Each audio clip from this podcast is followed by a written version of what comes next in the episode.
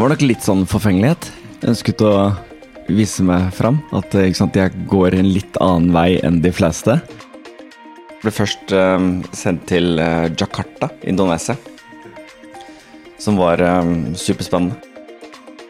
Plutselig kommer liksom Magnus Grimland inn og tar med seg masse sånne flinke, unge, smarte konsulentfolk og bygger et selskap. Kongstanken til, til Antle var jo at eh, det, er, eh, det er lurt å investere tidlig. Det er mulig å finne knallbra gründere overalt i verden. I dag så er vi jo til stede i 25 byer, liksom på tvers av seks kontinenter. Proptech til frokost med Silje og Daniel. En podkast fra Estate Media og Proptech Norway. Velkommen til en ny episode av podkasten Proptech til frokost. Som vanlig har jeg med Daniel her. God morgen. God morgen. Og du har eh, nok en spennende introduksjon. Ja, jeg har det. Det, jo, det føles skikkelig tidlig i dag uh, for, for, flere. Det var City-konferansen i går, og her er det flere som har vært utpå, skjønner jeg. Um, vi, hadde, vi hadde dagens gjest, Christian Juel Røsjø, på en veldig hyggelig frokostseanse på Mesh for ikke så lenge siden, sammen med bl.a. broren, eiendomsdirektøren Andreas. men vi fikk jo ikke snakket nok. Um, og vi har derfor invitert Christian til litt mer frokost, fordi han for noen år siden hoppet av en UD-karriere som så ut til å peke mot toppen av norsk diplomati, for å bli liksom, venturekapitalist i Antler. Og Antler er blitt eh, et nav, egentlig, eh, i, i norsk proptech. Ehm, det er et uh, norskstartet internasjonalt investeringsselskap med en helt unik sånn gründerrettet modell, og som har investert i ja, fryktelig mange selskaper. Uh, og som ikke minst har en softspot uh, for, uh, for, norsk proptech. Det er um, etter hvert ganske mange norske proptech-folk som blir enten supergira eller litt rørt når, uh, når vi snakker om Christian. Så, vi, så vi, har, vi, har, rett og slett veldig mye å snakke om. Velkommen til frokost, Christian. Tusen hjertelig takk. God morgen. God morgen. er det en god morgen? Ja, det er det. spesielt nå. Fått kaffe, fått boller, småkaker. Så dette her er, eh, dette er lovende. Sunn frokost. Ja, næring og, næring og koffein er bra. Uh, du, men, vi, må, vi, må, begynne litt med bakgrunnen din, eh, Christian. Uh, for den er jo ikke helt typisk finans, vil jeg si. Altså, du hoppet av, du hoppet av studiene på et tidspunkt for å, for å studere, eller lære deg russisk.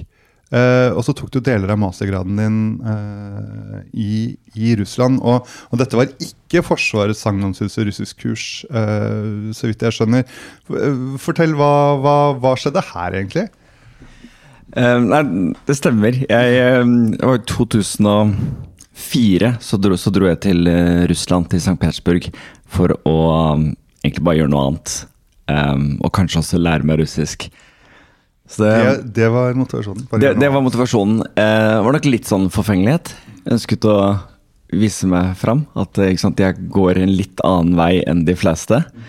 Eh, jeg hadde veldig lyst til å bo i utlandet, og så så jeg sant, venner, eh, studievenner som dro til USA eller Sør-Europa, og så tenkte jeg Russland. Og så tror jeg jeg hadde møtt en eh, russisk medstudent som skrøt noe voldsomt av uh, eh, St. Petersburg. Som jeg liksom knapt husket fra liksom skoletiden. Revolusjonen, Vinterpalasset. Og så, um, og så kom jeg over en, en, bok av Morten Strand, en sånn Dagbladet-journalist i, eh, i, Russland, som har skrevet eh, St. Petersburgs historier, tror jeg. Så ble jeg litt sånn betatt, og så bestemte jeg meg for å ta et friår. For jeg hadde begynt å studere ehm, siviløkonom eh, på BI Samvika. Og var kanskje ikke sånn supermotivert. Visste ikke helt om jeg hadde tatt liksom, riktig, riktig, valg. Um, så jeg tenkte at ok, jeg tar et friår, drar til Russland, jeg forsøker å lære meg russisk. Og så ble jo det litt avgjørende, ikke sant? fordi det året var helt fantastisk. Jeg, jeg storkoste meg. Jeg syntes det var kjempegøy, kjempespennende. Um, men det levde jo til at uh, jeg ble noen år til. Um, jeg lærte meg ikke knallgodt russisk, jeg lærte meg ok russisk. Um, men liksom et år holdt det ikke. Så jeg valgte å liksom, Senere så tok jeg deler av uh, mastergraden min i Moskva. Og så liksom, første ordentlige jobb etter studiene var i Russland. Ja, for du begynte å jobbe i Statoil i Russland? Ja. Jeg hadde hatt noen sommerjobber i Telenor blant annet, og så, og så ble jeg tipset om at uh, Statoil skulle sette opp et kontor i eh, Nordvest-Russland, i St. Petersburg. Um, så jeg kom i kontakt med disse skandinaverne som skulle over. Um, dette er Statoil Nedstrøm, altså Statoil Ja. Fuel and Retail. Det som etter hvert ble, ble solgt ut og kjøpt opp av Couche-Tard eller Circle K. Så vi dro over dit i det var 2007, så jeg var der i tre år. Um, som første, første jobb, um, men utrolig morsomt. Vi kjøpte tomter og bygde bensinstasjoner og, og et raffineri. Um, og det var jo ja, Men for deg selv, så altså, det bar jo inn på det bar jo inn på UDs aspirantkurs, og det er jo et sted hvor folk egentlig ikke har planlagt en framtid i Norge, på en måte. Hva var, det du, hva var det du så for deg at du skulle holde på med i livet ditt? Det var litt sånn eh, tilfeldig. Jeg tror, jeg tror ikke det er mange som starter på aspirantkurset til UD og har drømt om det siden de var små barn. Eller kanskje til og med blitt fostret opp i en sånn UD-familie. Foreldrene deres har drømt om Ja, ikke sant? sånn var det i hvert fall før. Eh? Det, er, det er UD, eh, og dette her har de satset på siden, eh, siden ung alder. Det var det ikke helt for meg, for det litt sånn tilfeldig. Eh, det var aldri noe jeg hadde gått lenge og drømt om. Men, men ikke sant? etter å ha bodd og jobbet i Russland, så var det jo flere som liksom Å, du, du burde jo søke deg inn i UD, ikke sant? Du, du kan jo russisk. Der kommer du jo glatt inn. Eh, det er jo ikke helt sånn her, men, men, men det er jo en viss sannhet eh, i det også. Ikke er, man tar som regel inn noen som snakker russisk, noen som snakker kinesisk, noen som snakker arabisk. Så jeg kom jo inn på russlandskvota. Um, og det er, det er en litt sånn omfattende rekrutteringsprosess. Um, og så kom man inn, og så syns jeg det var utrolig spennende. For jeg, jeg siviløkonom av bakgrunn. Jeg hadde ikke noen sånn internasjonal politisk bakgrunn. Så det å kunne være med på et sånt kurs um, og lære om internasjonal politikk, og lære om Norge Det er jo kanskje det, den eh, brorparten av det kurset går ut på. Lære om Norge, hvordan Norge fungerer. Eh, Norge liksom, samfunnsmessig og politisk. Supernyttig. Eh, jeg syns det var kjempegøy. Og så er det jo utenrikstjenesten, det er jo ikke innenrikstjenesten. Så man blir jo, det er jo en sånn eh, eh, forventning om at eh, man skal jo bli shippet til utlandet. Um, og man har liksom eh, visse valgmuligheter, og så blir man jo nærmest tvangsplassert. så um, Men jeg endte jo opp eh, veldig gøyale steder. Jeg ble først eh, sendt til Jakarta, Indonesia. Som var um, superspennende. Ikke sant? I hjertet av Sørøst-Asia. Svært, svært muslimsk eh, land i voldsom økonomisk vekst. Men hvordan, hvordan, holdt på å si, hvordan endte du så opp i Antler? Ja, Du ble sendt til eh, Du var ikke veldig uheldig. Du ble sendt til New York også noen år. Ja, det var New York i tre år etter, etter Indonesia. Men Antler, ikke sant, det, det var mye fordi jeg ble kjent med Magnus Grimland i Jakarta. Riktig. Um, Grunn, grunnleggeren av helt riktig. Grunnleggeren uh, som er uh, gründer og sjef i Antler, han um, møtte jeg i Jakarta. Um, jeg tror han trappet opp på ambassaden i en eller annen sammenheng. Og så, um, og så begynte vi å, å leke sammen. Og kona mi jobbet også for selskapet hans i en liten periode. Ja. Han bygde jo da et selskap som het Salora, en sånn asiatisk versjon av Zalando. eh, E-commerce eh, fashion. Og, eh, og gjorde jo bare sånn Jakarta-oppholdet utrolig mye morsommere, fordi eh, Jakarta det er jo ikke så corporate som kanskje Singapore her er. Så det er litt sånn mindre, litt eh, liksom norsk-skandinavisk miljø. Plutselig kommer liksom Magnus Grimland inn og tar med seg masse sånne flinke, unge, smarte konsulentfolk og bygger et selskap. Um, så det var utrolig morsomt å, å stå på utsiden og se på. Og Også- det var Antler han da bygget? Nei, det var ikke det. Det, det, var, det var. Salora. Men, men vi holdt jo kontakten, så da jeg senere var i New York um, Så mm, liksom, vi snakket jo regelmessig, og så kom han over uh, på østkysten av USA og skulle liksom uh, snakke med sitt uh, gamle nettverk om eh, det han hadde i gjerdet. Eh, Antler. Så jeg møtte, jeg møtte Magnus da, jeg var 20, 2017, 20, tidlig 2018 kanskje. Eh, og så viser han meg eh, hva han tenker å bygge, da. Antler. Og da tente, da tente du. Ja, ja umiddelbart. Eh, altså Mest pga. Magnus. Ja. Eh, jeg tror jeg forsto kanskje halvparten. visste Ja, det var et nytt kapittel i Christian, gjør ting han ikke kan. Uh, hva er dette her for noe? Uh, superspennende. Uh, men bare liksom tanken på å kunne bli med en så spennende fyr som Magnus, var jo svært appellerende. Så, så da han liksom spurte om jeg ikke hadde lyst til å være med, så, så trengte jeg ikke mye tid til å tenke meg om. Da hoppet jeg om bord egentlig med en gang. Ja, hva, var det han, hva var det han fortalte deg om? Hva, hvordan, hvordan funker Antler? Og det er morsomt fordi det, det Magnus presenterte da i 2017-2018, eh, jeg tror jeg fortsatt har den presentasjonen, der er vi i dag. Liksom, Han presenterte et kart. Men liksom, her skal vi være. Um, og dette er måten vi skal jobbe på. Og det er, er stort sett det vi gjør i dag. Så det er egentlig ganske imponerende. Uh, har egentlig fulgt de planene han la fram, uh, og vel så det. Men nei, så, Antler, hva er det? Det er et um, det er et venture capital-selskap. Um, det, det er jo internasjonalt, uh, men definitivt liksom en, en norsk identitet. Mm. Uh, Pga. Magnus og hans, um, og hans medgründere, uh, som også var, som var norske.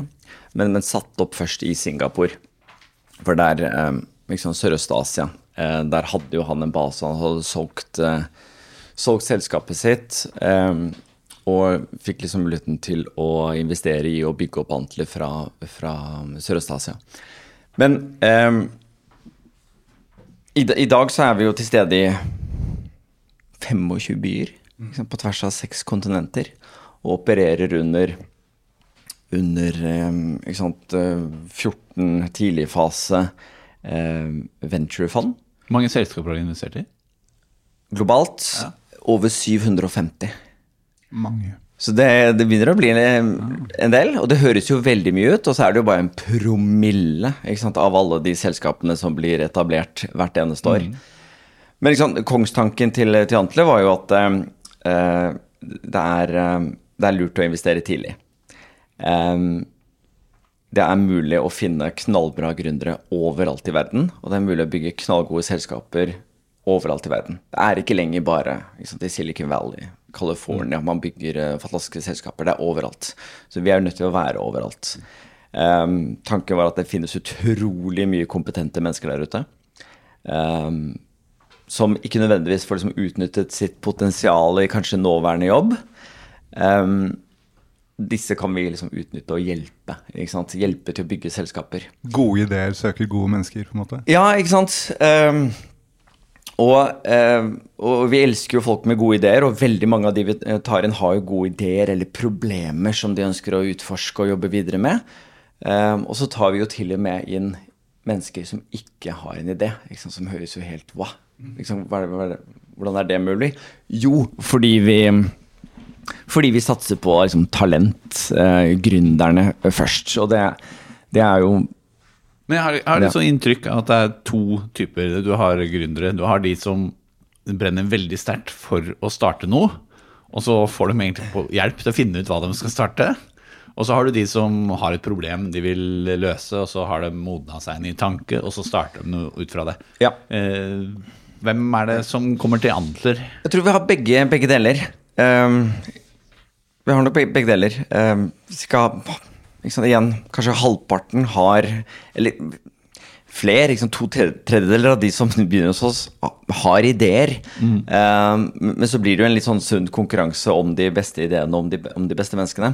Um, men vi ender opp med å investere kanskje i, i selskapet hvor liksom, halvparten er tuftet på det gründerne kom inn med, men så har det utviklet seg i løpet av programmet. Halvparten har liksom blitt virvlet opp i løpet av programmet. Fordi når du setter masse smarte mennesker i et rom, så skjer det ting. Um, og når du i tillegg kan få liksom input fra investorer og industripartnere og rådgivere og kanskje til og med Antlys-systemet, så, så, skjer det ting. Um, så vår jobb er jo igjen liksom fasilitere for at disse flinke menneskene uh, får flest mulig sjanser til å liksom, testjobbe med hverandre. Mm. Bygge komplementært sterke team fra grunnen av, og liksom, sørge for at de jobber på de liksom, riktige problemene og validerer de best mulig. Det er, det er, liksom investeringsmodellen. Mm. Da kan vi jo bruke 8-10-12 uker med disse gründertimene. Og liksom, observere de, liksom, uke for uke. Hva er det de får til? Um, ikke nødvendigvis 'oi, du har bygget en MVP, fantastisk, la oss investere i det'. Det handler mer om liksom, uke for uke så har du så har du gjort en eller annen form for progresjon. Du har, du, har, vært ute og validert problemet med ulike aktører. Mm. Og du har liksom klart å oversatt den inputen du har fått, til sånn nytenkning rundt, rundt problemet. At du virkelig forstår problemet. Rundt liksom mulig løsning på problemet. Hvordan selskapet skal se ut. Hvordan du skal liksom eh, gå inn i markedet. Det er jo det vi blir begeistret for. Mm. Så, wow, dette her er jo eh, ikke bare flinke gründere på papiret, men de er jo supersmarte. Og de reflekterer jo så godt rundt det å bygge selskap eh, tidlig. Um, de kommer helt sikkert til å forandre seg selv etter vår investering, men, men liksom, de har jo skissert så mange ulike um, veier inn til, til løsning. Og, og, de bare viser voldsom liksom, progresjon og klartenkning rundt det de ønsker å bygge. Med Life at Work fra VNI er alle byggtjenester samlet i én løsning. Med én og samme app for alt av adgangskontroll og parkering. Til booking av møterom eller matbestilling kan du som gårdeier ta grep om dine verdier og skape en enkel og sømløs hverdag for dine leietakere. Finn ut mer på veni.no. Så hvis jeg forstår det rett, altså, så, så dere, dere, kobler egentlig disse gründerne. Dere får inn masse gründere. De har ikke nødvendigvis en, en, eh, en ferdig teknologi eller en ferdig selskapsidé engang. Og, så, og så dere, bygger dere gründerteam. Eh, og så kommer det gjerne en, et, en selskapsidé ut av dette som dere hjelper til med å validere. Ja. Um, hvor mange av disse selskapene som kommer ut av liksom, dette antleløpet, ender dere med å gå, gå inn i, og, og, og, hvor mye går dere inn? Ja, det er, det er, ikke noen sånn automatikk i det, men um men sånn jevnt over de siste uh, årene i Norge, da, så har vi Bare for å si litt om gründerne først, for det er jo um, Jeg tror det har ligget på sånn ti års arbeidserfaring. Um, Aldersspennet har vært sånn 27 til 55. Um, litt over 60% har oppstartserfaring eller startup-erfaring. De har enten vært med å bygge et eller flere selskaper, eller de har jobbet i et startup. Men det er ikke et krav. Um, og så er det liksom ganske jevn fordeling mellom liksom, teknologisk kompetanse, liksom, forretningskompetanse uh, og liksom, domenekunnskap. Industri. Uh, uh, kompetanse. Du kan et eller annet fra en eller annen spennende industri. Og så er det jo det er ikke sånn at vi dytter dem inn i team. Eh, det, skjer ganske organisk, men eh, vi kjenner jo grunnen ganske godt. Så vi vet jo noe om liksom, hei, du bør kanskje prate med Elise. Hun er jo veldig opptatt av det samme du er opptatt av. Og hun har jo en komplementerende bakgrunn til deg. Um, men igjen, vi vil jo aldri dytte folk på hverandre. Det tror jeg aldri ville fungert. De finner ut av det, men vi må fasilitere for det. Så det er liksom, hvis mye er liksom bli, bli kjent hverandre, med hverandre, men eh, det vi har sett fungerer utrolig bra, er jo, er jo å gjøre sånne sprinter, ikke sant. Eh, sette eh, eh Koble eh, forskjellige gründere med hverandre, jobbe på spennende problemer eh, for å bli kjent virkelig bli kjent med hverandre. og så ofte så leder jo dette her til også spennende løsninger som potensielt kan bli selskaper også. Og så har vi sett at uh, kanskje jevnt over sant, så um, La oss si sånn 50 gründere i Norge blir til kanskje jeg vet ikke 20-22 team, og så går vi kanskje inn i 7-8 av dem. Så kanskje en tredjedel av, uh, av gründerne ender vi opp med å investere i.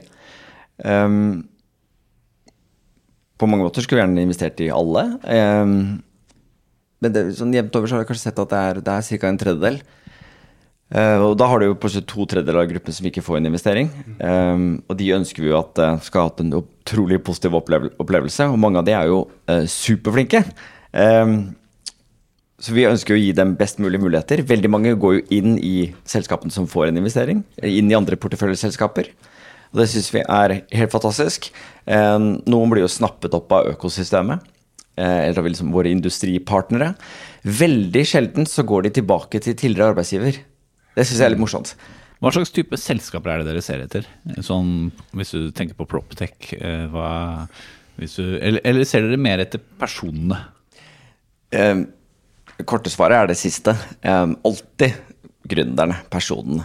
Eh, og vi får liksom, Først bruker vi masse tid på å source, rekruttere det vi anser som knallflinke folk. Og så får vi i tillegg liksom, 10-12 uker med å virkelig se hva de har fått til. Så vi tror jo at det, det er et bra grunnlag for en investeringsbeslutning. Og liksom den progresjonen eh, vi ser i løpet av de første månedene, vil fortsette etter at vi har gjort en investeringsbeslutning. Så alltid, alltid gründerne. Um, og Nordenfondet, som eh, jeg representerer, eh, som investerer inn i selskaper ut fra Oslo, Stockholm og København Det første Nordenfondet um, er jo mange måter agnostisk, da, som det så vakkert heter. Vi kan investere i veldig mange ulike forretningsmodeller, industrier, teknologier. 99,5% tech. Mm. Jeg vil få et par eksempler på at vi har noen porteføljeselskaper som ikke, ikke er liksom tech-selskaper, men det er jo tech det går i. Mm. Eh, software og hardware. Mm. Vi er ikke redde for å investere i hardware. Eh, og vi tror også at eh, spesielt på liksom, energisiden så tror vi at eh, kan ikke bare redde verden gjennom software. Enda en SAS-modell, på en måte. Mm. så um, det, det, det, tør vi absolutt å investere i. Um, Men er det noen uh, industrier som blinker seg ut, da? Ja, ikke sant. I, i Norge så, jo, uh, så, valgte vi å snevre inn fokuset noe. Um, da vi satte opp for, uh, for tre-fire år siden. Da var tanken at Norge er jo et noe mindre marked enn de andre vi er representert i. Det er vel altså, Av disse 25 byene, det er vel det minste markedet Antler mm. er representert i. Eh, men like fullt superspennende. ikke sant? Hele økosystemet har jo en voldsom vekst og vokser kanskje raskere enn mange andre økosystemer. Så vi ønsket å være her, og det er supermye kompetente, flinke mennesker. Og vi evner å tiltrekke oss utenlandsk talent til Norge, eh, som vi er superstolte av. Eh, men sant, det er kanskje enkelte typer selskaper som er litt vanskeligere man er litt mer redde for å investere ut fra et norsk perspektiv enn ja. et amerikansk. En, en, cookie delivery app kunne man ja. kanskje investert i i New York eller Singapore. Litt vanskelig ikke sant? å liksom starte det norske markedet. Så verdiforslaget må liksom være tilpasset uh... Ja, ikke sant. Og så sier jeg dette med liksom, Jeg sier kanskje, fordi liksom, man skal ikke liksom, ja, mange oppstartsselskaper i Norge er B2B. De går bedriftsmarkedet, eh, og de på mange måter mening. Men så har du jo hatt fantastiske B2C-selskaper ut fra Norge også.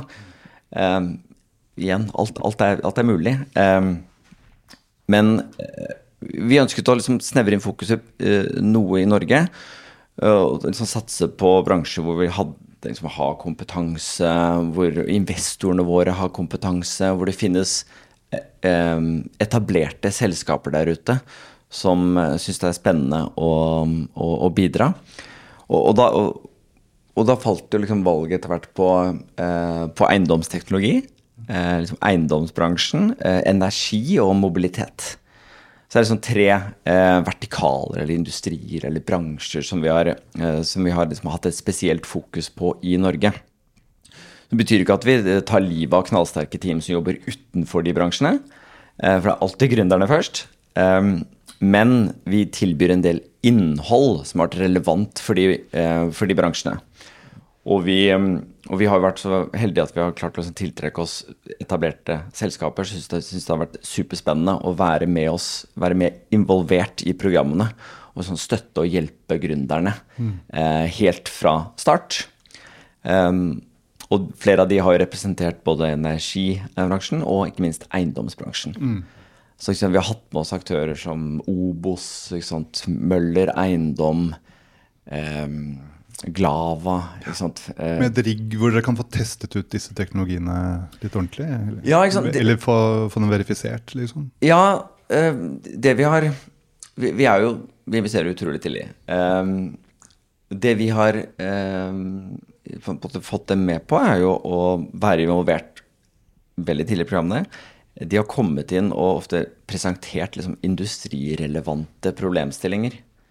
Eh, Dette er det eh, ikke bare vi som selskap eh, kanskje liksom, sliter med eller står overfor av utfordring, men jeg tror liksom, hele bransjen eh, kunne godt tenke seg en bedre løsning på dette problemet. Mm. Presentere eh, større industrirelevante problemer. Og så har det vært sånn gode utgangspunkter for sprinter med, med gründerne våre som da får muligheten til å teste ut uh, gründerteam i, i en, en sprint-setting.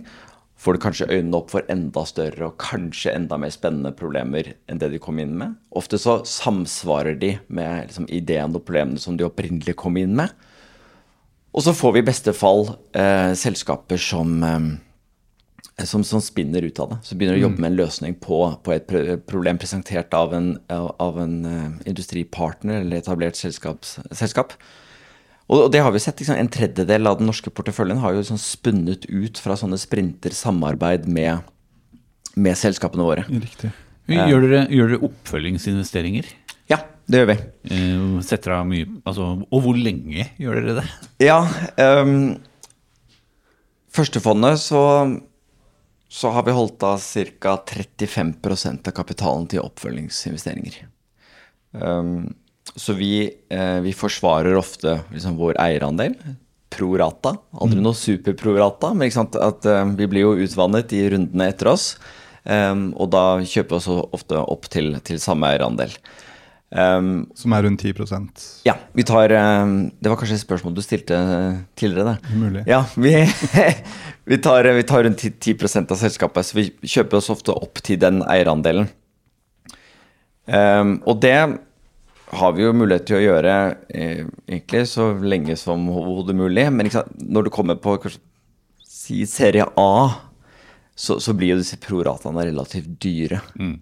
Så, så, vårt fond pleier å følge opp til eh, ja, opp til serie A har vi mulighet til. Og så har vi et større globalt fond i Antler.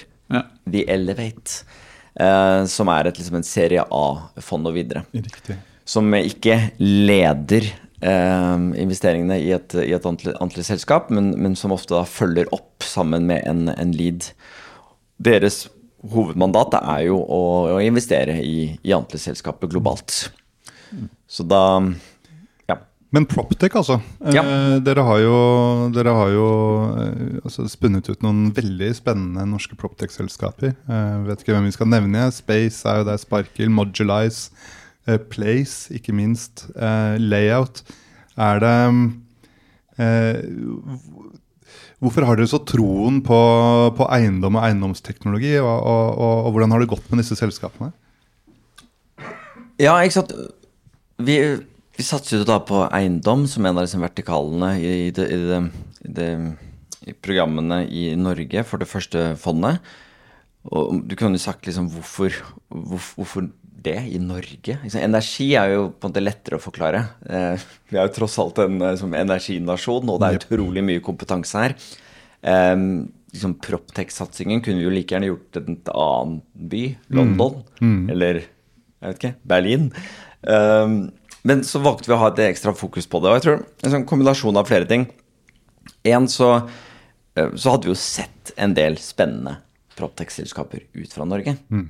Um, ikke, ikke, minst Spacemaker. Spacemaker-effekten. Ja, litt den, den, effekten. Så vi så at veldig mange gründere ønsket å bygge uh, Proptech-selskaper i deres kjølvann. Um, to, så liksom ha, uh, Mange av investorene våre har jo tjent sine penger fra, fra eiendom. Vi opplevde Altså tre, vi opplevde at um, uh, veldig mange etablerte selskaper eiendomsselskaper var interessert i å støtte opp om det vi gjorde.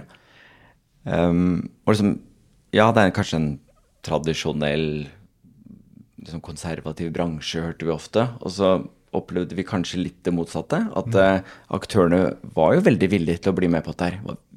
Foroverlente. Liksom, åpne dører. Villige til å teste ut ny, ny teknologi. Villige til å investere i oppstartsselskaper. Um, vi opplever liksom hele bransjen som veldig liksom, imøtekommende. Mm. Det er jo et superbra grunnlag for å bygge selskap. Tidlig, tidligfaseselskap ute og validere um, i en bransje hvor dørene er åpne. Fantastisk. Og så var det nok en sånn tanke om at sant, Norge er, et, um, er, jo et relativt transparent uh, samfunn. Um, data er tilgjengelig. Det er mulig å liksom Du kan nesten skrape sant, eh, data de første månedene og liksom tilby ditt første verdiforslag bare basert på det som er tilgjengelig. Mm. Så det er, et godt grunnlag for å bygge et uh, teknologiselskap, og kanskje spesielt innen, innen eiendom, da, ut fra, ut fra Norge. Ja. Så Og, og liksom med, den, eh, med den, eh, det, det tankegodset så kunne vi også tiltrekke oss utenlandsk talent til Norge for å bygge Proptech-selskaper. Det er kanskje noe av det vi er aller mest stolt av i Antler og Antler Norge. Ja, for det, det er ganske mange uh, utlendinger på Ja. uh, disse Ja, seansene deres. ja vi har um, Ja, I de selskapene vi nevnte her i stad, Ja. så er det jo mange internasjonale gründerteam. Jeg tror nærmere 90% av våre porteføljeselskaper har minst to nasjonaliteter i gründerteamet. Eh, over halvparten av de vi har med i programmet, er ikke norske. Og det syns vi er kjempekult. Og vi tror det er en styrke at vi kan, at vi kan investere i internasjonale gründerteam fra dag én. Liksom kom, kombinasjonen av liksom norsk kompetanse med en supersulten utenlandsk eh, gründer. Eh, det at man tenker litt mer internasjonalt fra dag én. Skal, du, skal du bygge et vellykket selskap ut fra Norge, så må du nok ut av Norge. Eh, jeg tror det er vanskelig å ikke skalere ut av Norge, og da liksom ha et internasjonalt nettverk, tenke litt mer interna internasjonalt, tror vi er, tror vi er en kjempestyrke. Proptech til frokost med Silje og Daniel. En podkast fra Estate Media og Proptech Norway.